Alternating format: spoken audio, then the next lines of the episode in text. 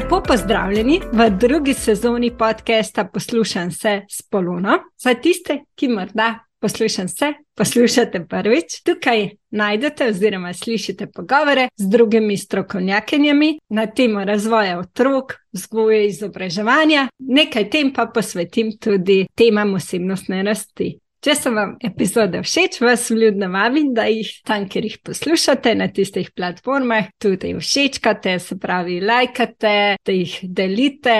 Če jih boste delili, bom zelo vesela tudi, da me označite, tako se vam lah lahko tudi zahvalim. Na Apple podcastih oziroma tudi na Spotify lahko podcast. Poslušam vse, tudi ocenite, naprimer s petimi zvezdicami, in mi tako pomagate, da epizode sliši še več ljudi. Hvala.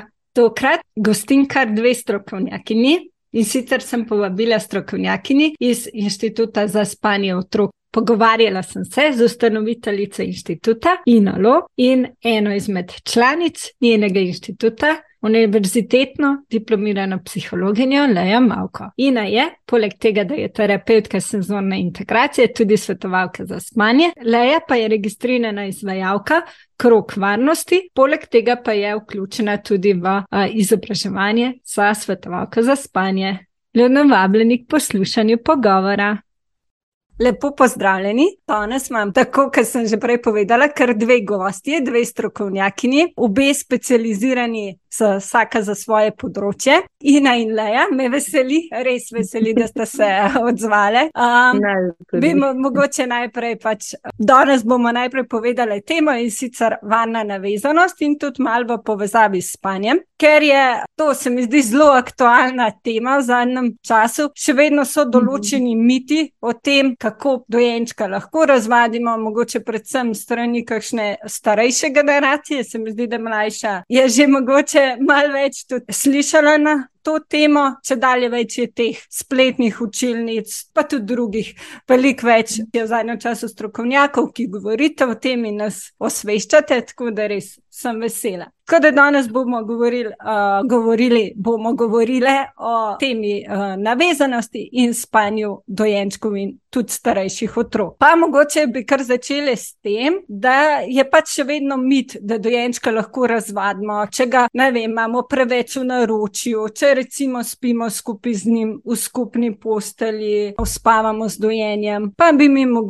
razložili, no, zakaj je v bistvu to zadovoljevanje od dojenčkove otrokove potrebe po naši telesni bližini izjemno pomembno no, in zakaj je v bistvu to potreba in ne to, da bomo dojenčka razvadili.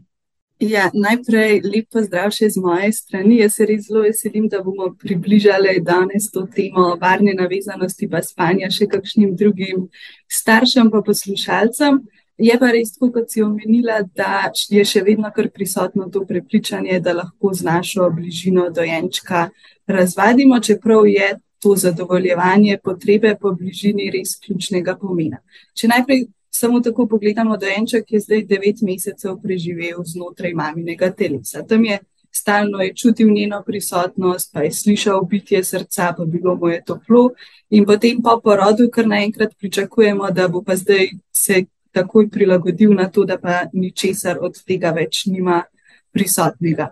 V resnici je pa tudi po rojstvu bližina starša oziroma bližina mame neko primarno okolje, kjer naj bi se dojenček razvijal. Nekateri celo pravijo, da je bližina mame oziroma bližina starša nekako dojenčkov naravni habitat, zato ker se on za preživetje mora zanašati na odraslo osebo.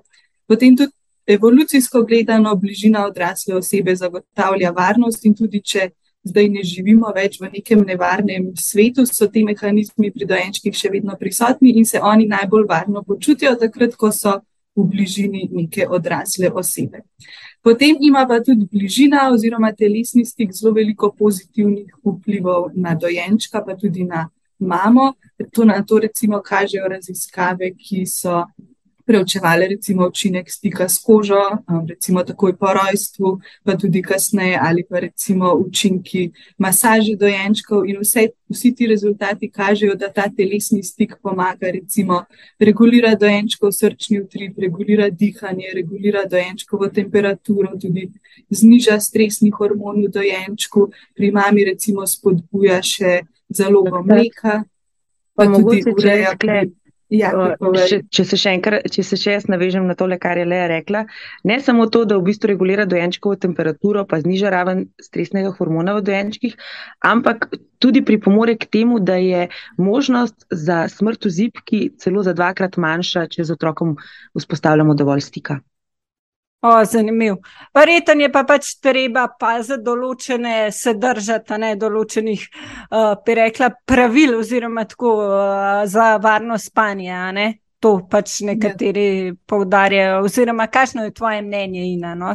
Varno spanje, mogoče zdaj najprej vprašala, kaj mi štejemo kot varno spanje.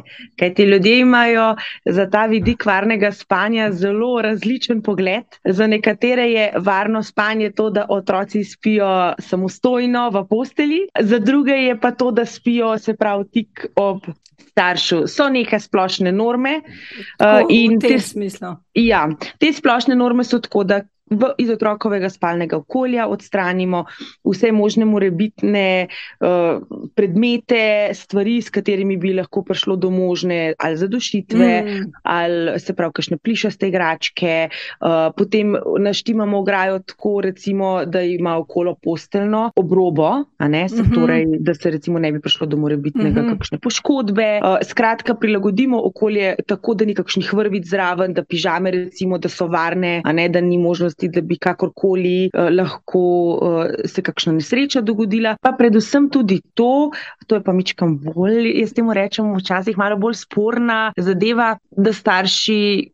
Preden so legli k otroku zraven, nis, ne jemljajo nobenih kakšnih zdravil, ki mhm. bi bili možni opijati, da mhm. niso preizpili kakršnega koli alkohola, tudi kadilci naj ne bi bili zraven, oziroma pač, da si umijajo zobe in pa roke, kajti tudi ta von kadilski absolutno je v bistvu. Udiranje v otrokovo integriteto, otrok se svobodno ima pravico do čistega in, če se smem tako izraziti, narav, njemu naravnega okolja, kar pa definitivno cigaret ni dim, mm -hmm. tudi ni. Tudi tud uh, parfumi, ne, naprimer, že parfumi, recimo, tudi, so odsvetovani, ne, že v nosečnosti, pa, pa še tudi prvih nekaj mesecev. Ne. Sem v bistvu Ampak, glih mislila te to vprašati, no, glede teh substanc ja. in tega, kar si povedala. Pa ne bi zdaj, da se ne bi, pres, da ne bo zdaj se kdo kaj prestrašil. Sej, zdaj govorimo res tisto, kaj ne, je v teoriji. Uh, vedno pa delamo tako, jaz vedno tudi staršem to povem. Delajte tako, da ste lahko mirni. Najprej je mm. potrebno sebe umiriti. In če, pač karikiram, če en cigaret 15 minut pred spanjem, pa če si potem umijete roke, zobe, če en cigaret pripomore k temu, da boste vi kompetenten, miren starš tekom noči, je absolutno bolj priporočljiv, pa tudi dva ali pa tri cigareti, kot pa biti pod stresom. Ja, ja. ja. Mm, ja, res odličen nasvet. No, tako kot si rekla, ne? zadovoljen starš, pa bolj umirjen, lažje vse te stvari, obve, mislim, vse to zmore. Mirnost je zagotovo zelo pomembna. Mi je pa vseeno všeč, ja, da si v bistvu vse te smernice, ki jih v teoriji strokovnjaki zelo priporočajo. Ja. Tako da hvala obema. Mal smo sicer, ja, že povedali to, ampak uh, Leja, ki si v bistvu uh, povedala, kakšne vse ima tudi v bistvu za uh, otroka, za mamo, kakšne vse koristi ja, ima, ja, prednost, ima uh, uh, taka povezava, ta dotik, uh, bližina. So tudi raziskave, ne, da v bistvu kasneje, mogoče glih kontra, kot bi najprej mislili, da je tudi kasneje so taki otroci bolj samostojni, ker so v bistvu zelo najprej. Kot dojenčki ali pa kot malčki, zelo varno navezani na starše, mamo, očeta. Ja, včasih zgleda to malo kontraintuitivno, da moraš najprej otroka res nuditi vso to bližino, ga vzeti k sebi, da bo potem samostojen, ker veliko staršev ali pa generacij še vedno misli, da moraš ti otroka navajati na to, da je samostojen. Ampak mm -hmm. v bistvu mu ti moraš dovoliti, da je najprej od tebe, od primarnega skrbnika, res odvisen, da res zaupa, da je ta skrbnik njemu na voljo, da se lahko zanaša na njega in to mu bo potem dalo tudi samo zavest, pa to željo po raziskovanju, da se bo počutil dovolj varno, da gre raziskovati, da je samostojen, da tudi sam preizkuša določene stvari. Če pa otroka silimo v neko samostojnost, je pa to bolj neke vrste obrambni mehanizem, ker otrok čuti, da se na starša ne more zanesti in potem raziskuje, zato ker se mu zdi, da je to nek način, kako lahko ohrani še vseeno bližino starša. Uh mhm. -huh. o, lepo povedan. Ja. Pa tudi verjeten, ko se recimo loči od mame, se verjetno se drugače obnaša ali pa odziva, kako je s tem. Ja, v bistvu gre bolj za to, iz kakšnih razlogov se otrok loči, pa tudi mm -hmm. kako se odziva na to ločitev. Recimo, kako prav gledajo, ali je otrok varno navezan, pa gledajo bolj, kako se otrok vede, potem ko se še enkrat združi um, mm -hmm. s staršem. Recimo, če je otrok varno navezan, pa se loči, bo doživljal neke vrste ločitvene stiske, ampak mm -hmm. potem, ko se starš tudi vrne, bo izrazil ta svoje čustva, bo ponovno poiskal bližino. Mm -hmm bo povedal, da ja, to pa mi zdaj ni bilo prijetno, da si me zapustil, uh mhm. -huh. zdaj rabim, da mi se ti pomagaš pomiriti. Medtem ko če otrok ni varno navezan, pa lahko se pretirano oklepa starša. Tukaj zdaj, tako kot je prej Ina tudi rekla, ne želim prestrašiti staršev, ker uh mhm. -huh. ločitvena stiska je tudi do neke mere normalna, pa ni v, tudi sama jaz ne morem ocenjevati kako je otrok navezan, ali je varno navezan, ja, ker je ja. to neka predpisana mhm. procedura, kako se to počne. Ampak recimo otroci, ki so anksiozno navezani, zelo se oklepajo starša, pa ga ne pustijo v bistvu stran, ne želijo iti raziskovati. Um, in potem tudi, ko pa se starš recimo vrne po ločitvi, pa so tudi zelo tako negotovi, ne vejo, bi raziskovali, bi šli do starša poiskati to lažbo. Um, Medtem ko recimo tisti otroci, ki so pa izogibajoče navezani, to se pa običajno pojavlja v družinah, kjer je jog zelo veliko krat prekinjen, kjer staršem res ni prijetno z otrokovim jogom, pa ga stalno preusmerjajo in ti otroci se pa naučijo, da če želijo skrbnika ohraniti blizu, morajo zatreti ta svoje čustva in se potem pretirano usmerjajo na raziskovanje, pa se izogibajo tem svojim čustvom in recimo tudi potem, ko se združijo s staršem, mu ne pokažejo, da jim je bilo hudo. Ampak spet to vedenje je do neke mere lahko pač tudi čisto normalno. Mm -hmm. Sploh recimo, ne vem, ko vajo vrtec, pa če otrok ne joka, ko pridejo, je to tudi lahko normalno, da je veliko enega sivega prostora, kaj je normalno, uh -huh. pa kaj je potem že ne varno. Mi pogosto, mi pogosto rečemo, ne, da, da recimo potem otroci špilajo jokerja, ker uh -huh. um, gre za tisto anksioznost. Uh -huh. Se pravi, vse bom naredil, zato da boš bom. tukaj z menoj, uh, da imam lahko pristen stik s teboj, da imam lahko mhm. interakcijo s teboj. Tudi, tako kot je rekla Leja, veliko je sivega prostora, uh -huh. nekaj pa tudi že samo otroški temperament. Uh -huh. Na to pogosto uh -huh. pozabljamo pri tem. Da v bistvu na pač vse vidike pa ne moramo vplivati. Uh Mogoče tukaj še to. En vidik varne navezanosti je to, da se pač res čim bolj sinhrono odzivamo na dojenčkove potrebe. Tako, uh, se moramo pa verjetno tudi zavedati, da, da popolnosti pač ni, da, da pač iščemo skozi ne, tisto ravno. Ja, vedno se pravi, pomembno je, da se trudimo zadovoljevati otrokove potrebe, ampak to vedno ni možno. Ali zaradi tega, ker mora v nekem trenutku starš kaj drugega narediti, ali mogoče pozornost vzema še kakšen sorojenec, ali sam se trenutno ne vem, nima napolnjenih kozarcev, pa potem ne more dati otroku polne pozornosti. Da, mogoče kdaj tudi starš ne ve točno, kaj otrok potrebuje, pa zaradi tega ne bo mm. potreba takoj zadovoljena. Tako da ne, govori se, da nekje 30 odstotkov časa naj bi se mhm. starši odzvali oziroma ustrezno prepoznali otrokove potrebe, vse ostalo so pa tako poskusi, napake življenja, ki pride zraven, pa potem prepreči to, da bi se vedno popolno odzivali, tako da se po eni strani niti ne moremo popolno odzivati, po drugi strani je pa tudi dobro, da se ne, ker to potem ustvarja tudi priložnosti, da recimo popravimo odnos z mhm. otrokom, pa mu pokažemo, da delamo napake, pa mhm. potem ponovno vzpostavimo ta stik, ki je pa tudi zelo pomemben za um, otrokov razvoj, se pravi ta izkušnja, da ni vedno vse popolno. Ja, kar, da je v bistvu ena priprava za kasnejše ja. življenje. Glej, jaz tudi zmeraj rada dodam, ni, ni tako pomembno to, da čim manjkrat, po domače rečeno, da se nam malo zalomi. Pomembno uh mhm. -huh. je, da ko se zalomi, da poiščemo z otrokom stik, uh mhm. -huh. da smo mhm. ranljivi, da mu znamo pokazati. Oprosti, zmotil sem se, imel sem velika čustva, drugič se bom potrudil, da bo drugače, skrbi me za te, bojim mm. se za te, ne vem, kako ti naj pomagam. Mm. Skratka, izmeraj rečem staršem, bodite ranljivi, pristopite k problemu, ker to je tisti zgled, ki ga želimo dati otrokom. Da se lahko. Da lahko, da lahko so ranljivi in da lahko se v življenju tudi kdaj kaj zalomi, pa je pomembno, kako mi k temu pristopimo in da znamo do tega pristopiti. Ja, zelo, zelo res uh, koristen napotek. In ja, v življenju se res velikrat ne zelo in če res jim damo to popotnico, kako to, ja, smo res naredili zelo velik, tako da je hvala. Uh, in ja, res za tole, na obema.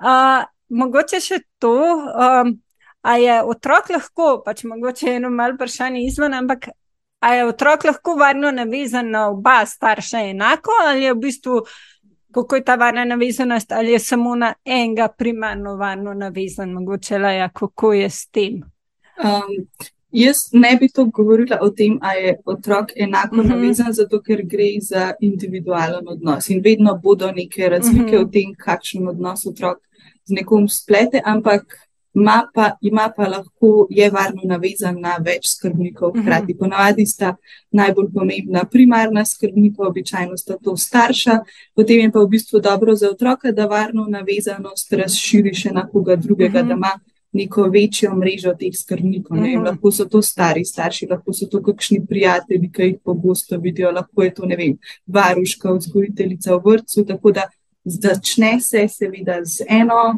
potem z mhm. dvema glavnima navezanostima, potem pa želimo, da otrok ta vzorec razširi še na druge skrbnike, da ima res tako podporno mrežo v svojem okolju.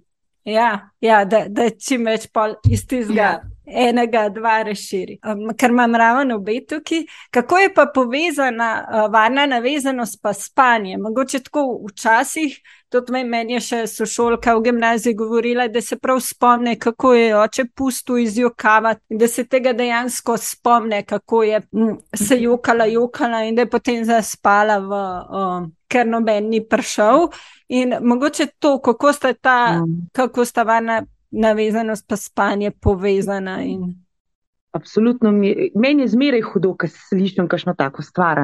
Zdaj, ko razumemo varno navezanost, pravzaprav lahko razumemo tudi številne stiske dojenčkov in otrok, ki so povezane s spanjem. Ampak zato res rabimo to razumeti. Kot smo že omenili, ne, je v bistvu varna navezanost povezana z iskanjem bližine skrbnika. In to je ena od tistih največjih potreb v prvih letih otrokovega življenja. Res ni želja, je potreba. Spanje pa na drugi strani vključuje ločitev od varne osebe, kar otroku predstavlja eno od pravzaprav največjih groženj.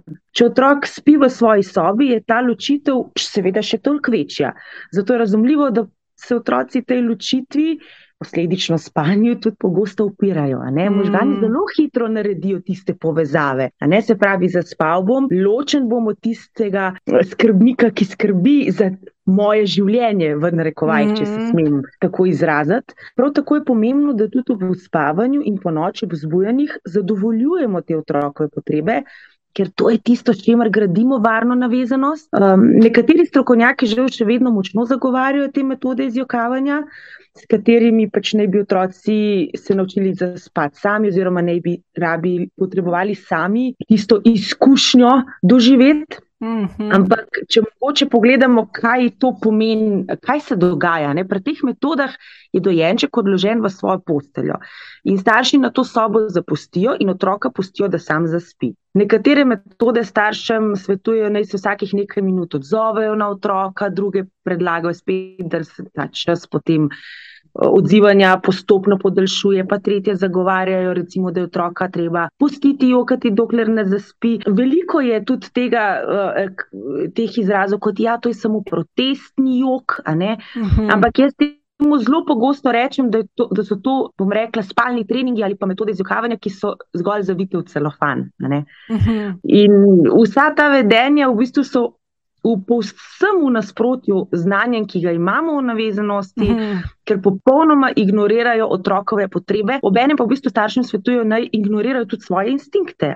To je tisti Mhm. -huh. behaviorističen pristop. Torej, tvoje vedenje mi ni všeč in ga bom spremenil. Ni, Mhm. ne izhaja pa iz vidika, vprašal se bom, iz kje izhaja, zakaj je tako. Mhm. Uh, obstaja možnost, da te metode vplivajo na navezanost otroka, ker kakšno sporočilo otrok prejme s tem? To, da se ne more zanesti na starša, in prav tako tudi sporočilo, da je izražanje čustev in potreb popolnoma nesmiselno, ker je sveto za njega v bistvu vseeno. Starši preko treningov spanja v bistvu ignorirajo svoje instinkte, lahko tudi v bistvu pa tekom dneva izgubijo tudi stik dejansko s svojimi notranjimi nagnjenji in so manj odzivni na otrokove potrebe.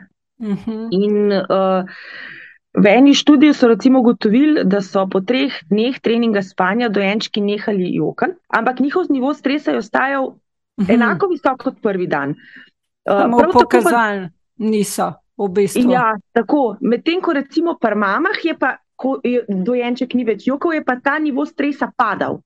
Aha, se pravi, aha. Pri dojenčku je ostal še vedno enak, pri, uh Mhm. -huh. sta, pri mami je pa padel, ko ni več jokal. ne.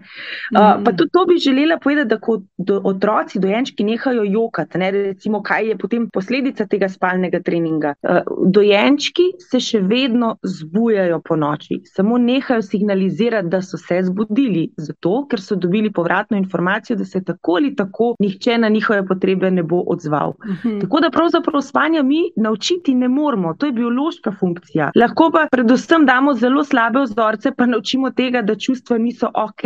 Ne? Mhm. Um, tu bi rada povedala, ko sta dojenček in mama v sinhroniji. Dojenček v stiski zajoka, njegov nivo stresa se dvigne, na to se dvigne tudi nivo stresa mame, in mama se na to tudi odzove, in veliko večja verjetnost je, a ne se pravi, da se bo nam odzvala. Po treningu spanja se pa v bistvu ob dojenčkovem joku, se dojenčku seveda zviša nivo stresa, nivo maternega stresa pa ostaja nizek in lahko tudi kasneje, ne samo tekom noči, ostane Mhm. znižan, torej da se mama tudi nasplošno začenja slabše odzivati na otrokove potrebe. Mhm. Mhm. Če lahko, bi jaz samo še dodala to, kar je se pravi prepričanje, da če otroka pustimo jokati, da bo on potem se naučil zaspati. Otroci ne nehajo jokati zato, ker so zaspali, ampak ker je bilo njihovo telo tako izčrpano Mhm. od tega iskanja starša, da v bistvu ne zmorejo več tolerirati tega stresa, tega izjokavanja in se zato v bistvu telo ugasne in se to potem izraža v spanju, čeprav ne gre prav za res Mhm. za uspavanje. Tako pa mogoče še to ne, dobro, da si Leja to dodala. Um, bi jaz tudi, uh, še to bi mogoče bilo fino povedati, ne, kaj se pa v otroških možganih dogaja. ne. Mhm. Mi mislimo, da otroci so, otrok je zaspal, otrok se je naučil, pa v bistvu ni res. Otrok gre v beg ali boj sistem ali pa zamrznitev. a ne. Se pravi, Mhm. neha izrazati čustva in si mislimo, da ok, sej, zdaj je pa tiho, je dobil izkušnjo, se je naučil, pa ni res. Lih, ravno ta zamrznitev, to je tisto naj, najhujše, mislim, najhujše, če se lahko tako izrazim. To je tista stvar, ki jo najmanj želimo, tisti Mhm. odziv, ki ga najmanj želimo. Takrat otroški možgani naredijo tisti blackout za preživetje. In recimo, to se lahko primerja s tem, če ste mogoče kdaj poslušali, recimo, uh, če ste gledali kakšen dokumentarec o recimo ženskah, uh, to je zdaj en tak uh, zelo, kar precej skrajen primer, ampak recimo ženske, ki so bile kaj posiljene. Pa razlagajo potem, ja, da se na neki točki pa sploh ničesar več ne spominjajo, kot da bi bile, kot da bi v bistvu se spomnili slike, ampak enostavno so bile izven telesa, opisuje izkušnje, ali pa Mm. enostavno, da, so, da, da v bistvu se niti ne spomnijo, Mhm. no, to je takrat, ko Mhm. telo dobi tisto zamrznitev, zato da, eno, da v bistvu, da bi po domače rečeno, če bi prišlo do smrti, da ne bi tega tako intenzivno doživljali. Tako Mhm. zelo laično rečeno. Edini način, da se telo zavaruje, pač da Ja. yeah. zavarujemo sebe, je to, da se ugasne. Ja, Verjetno je v pradavnini to pač zelo prav prišlo, no? pač možganom in so ohranili ta Absolutno. sistem. Ja, Vse ja. je z namenom. Tudi, ko se Tako. dojenčki zbujajo, jaz zmeri rečem, zbujanje je, ima pomembno funkcijo. Če ne bi Mhm. imelo, potem tekom let tega, bi to, tega že ne bi več bilo. Res je. Zelo uh, kratko in jedrnato povedan. Ja. Uh, Eh, tako se, kar povejo, prosti. Mogoče, če lahko sam še to dodam. V bistvu se dojenčki tekom evolucije nič niso kaj do, dosti spremenjali, zelo, zelo ogromno so se pa spremenile naše zahteve in pričakovanja glede njih. Te Mhm. družbene, uh, družbena pričakovanja, ki so pa zelo daleč, se mi zdi, da se če dalje bolj oddaljujejo od. No, pa se zdaj že nekako prihajajo bliže, ampak um, se predvsej oddaljujejo od tistih resničnih primarnih otrokovih potreb. Mhm, ja, tudi meni se zdi, ja, da smo že malo bliže, ampak mogoče pa še vedno kdaj, mogoče še bolj v kakšnih Facebook skupinah zasledimo primerjanje mamic, pa mogoče obremenjenost, moj pa že spi pa enem mesecu celo noč, ojoj, moj pa še ne, kaj je zdaj, kaj jaz delam na robe, kaj je, a ne. Mogoče v tem smislu vidim, da je še, pač se še obremenjevanja oziroma pač to, kar si rekla, no, ena oddaljenost. Je pa velika večja verjetnost, če smem tukaj, ker si ravno tak primer navedla, je veliko večja verjetnost, da bo dojenček prespal noč pri enem mesecu, kot pa pri devetih ali pa šestih. Ja, um, ker je v bistvu struktura, arhitektura spanja še mičkam drugačna. mhm, mhm. Prej ste povedali, da je v bistvu spanje ločitev dojenčka od staršev in da je za njega to stresno. Kakšne navade in kdaj začeti s temi navadami, pa priporočata, da je to za dojenčka čim lažje.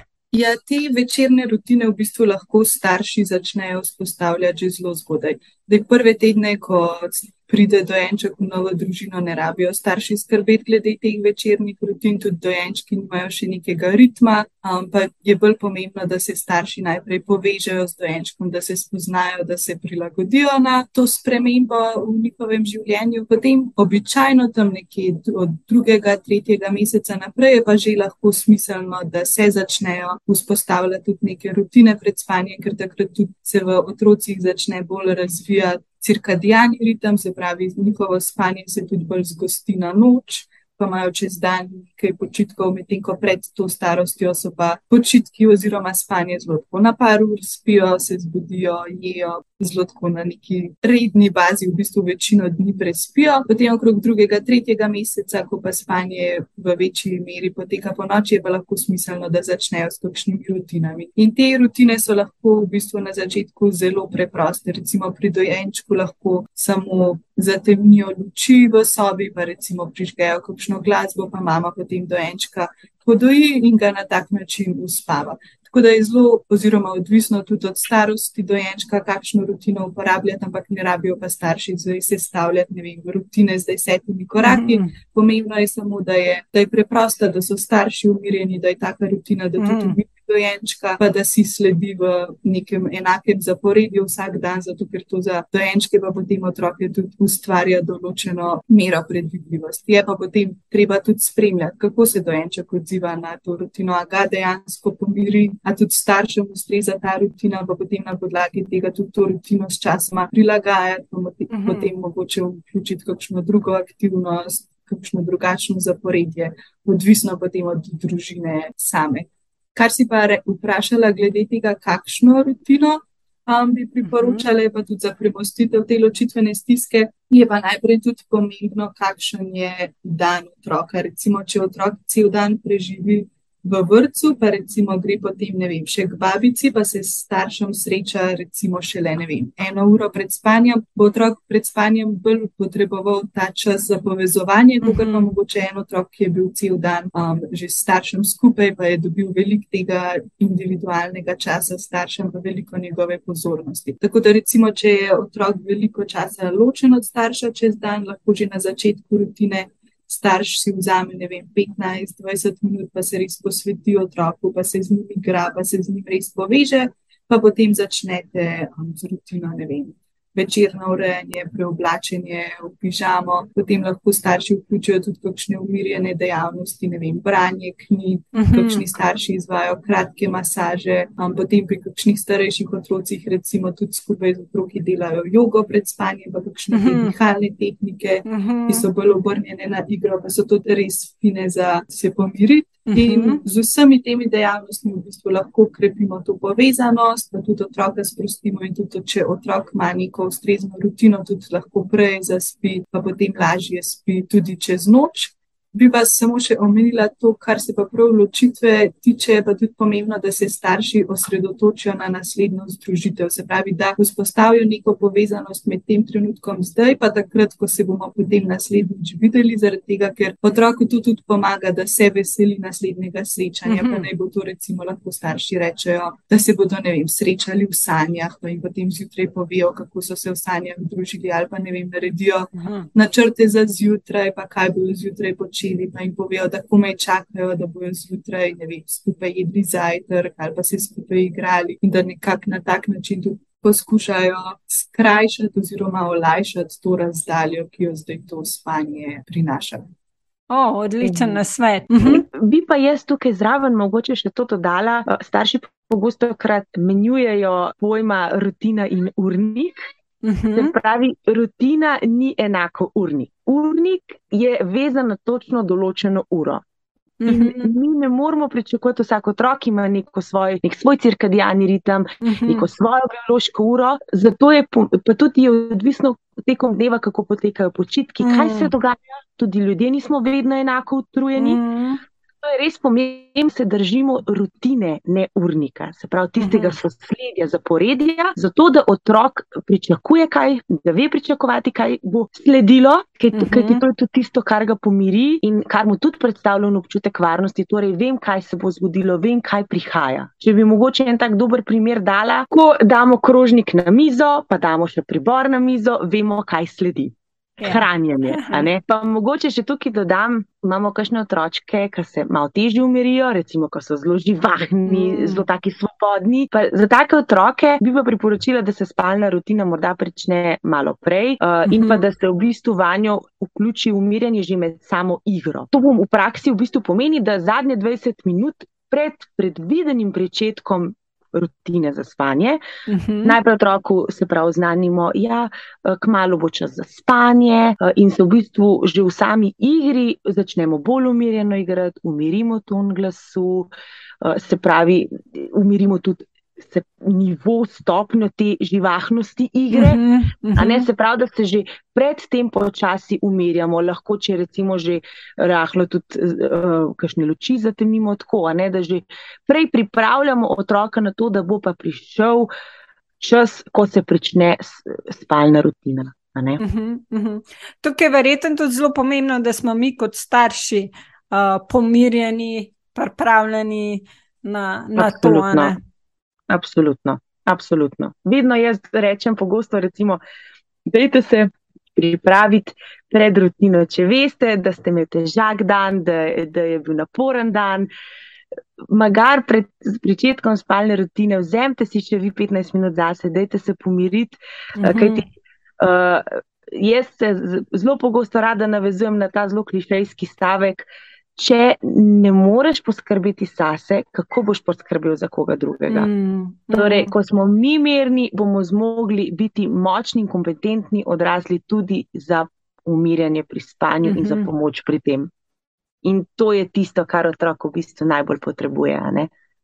Ja, le, zelo lepa misel. No? Tako, res, pa tudi mislim, res držino. Tako, wow. Tudi če je klišejsko. Pač, ja. uh, uh, bi mogoče še, mislim, da smo res večino že povzeli, pa kar si tako lepo zaključila, bi uh, še vidve kaj dodale, kaj sporočile poslušalcem, kaj, kar se vam zdi zelo pomembno na to temo, pa nismo še povedali.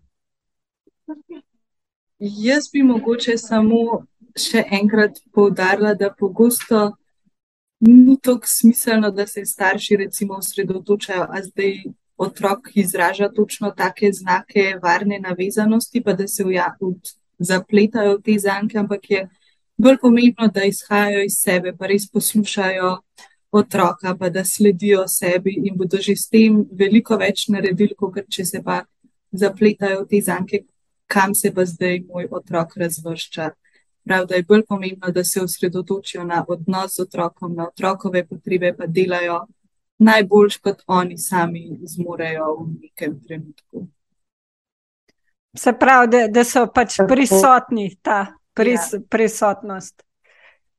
Ja, tako. Mogoče bi še jaz, če smem, um, če jaz, mogoče, če smem, um, ja, seveda, z veseljem. Dodala, uh, in vedno podarjam, otroci grejo čez cel vrtiljak občutkov in čustev. In mm -hmm. bi rada mogoče še to za na konc dala mislim, da otrokovi občutki, otrokova občutenja, čustva niso odraz nas kot staršev. Pomembno mhm. je, da mi poiščemo stik in da jim damo, po domače rečemo, ramo, da oni lahko čez to, mhm. da jim pomagamo čez to, da jim pomagamo prepoznati čustva. Aha. Mhm. No, zdaj, zdaj, pa, zdaj pa tudi pri meni pokazal. Ja, praktični prikaz. Ja, ja tako je. E, Mami potrebujem te priti. Ja, tako, tako. Ja. Vse to vidiš, je namen podcasta, da prikažemo tako, kaj je. Ja. Tako, tako, tako, tako. Iz srca se vama obema zahvaljujem za ta pogovor se mi zdi res izjemno koristno o tem pogovarjati. Sem res hvaležna obema, da sta, se, da sta si vzeli čas za ta pogovor, za vse konkretne napotke in majhna znanja. No. Da, najlepša hvala. Hvala tudi tebi. Hvala tudi tebi, Polona. Vsem pa najlepša hvala za poslušanje. Se slišimo ponovno v mesecu februarju. Do takrat pa vsem en zelo prijeten preostanek januarja. Nasvidenje.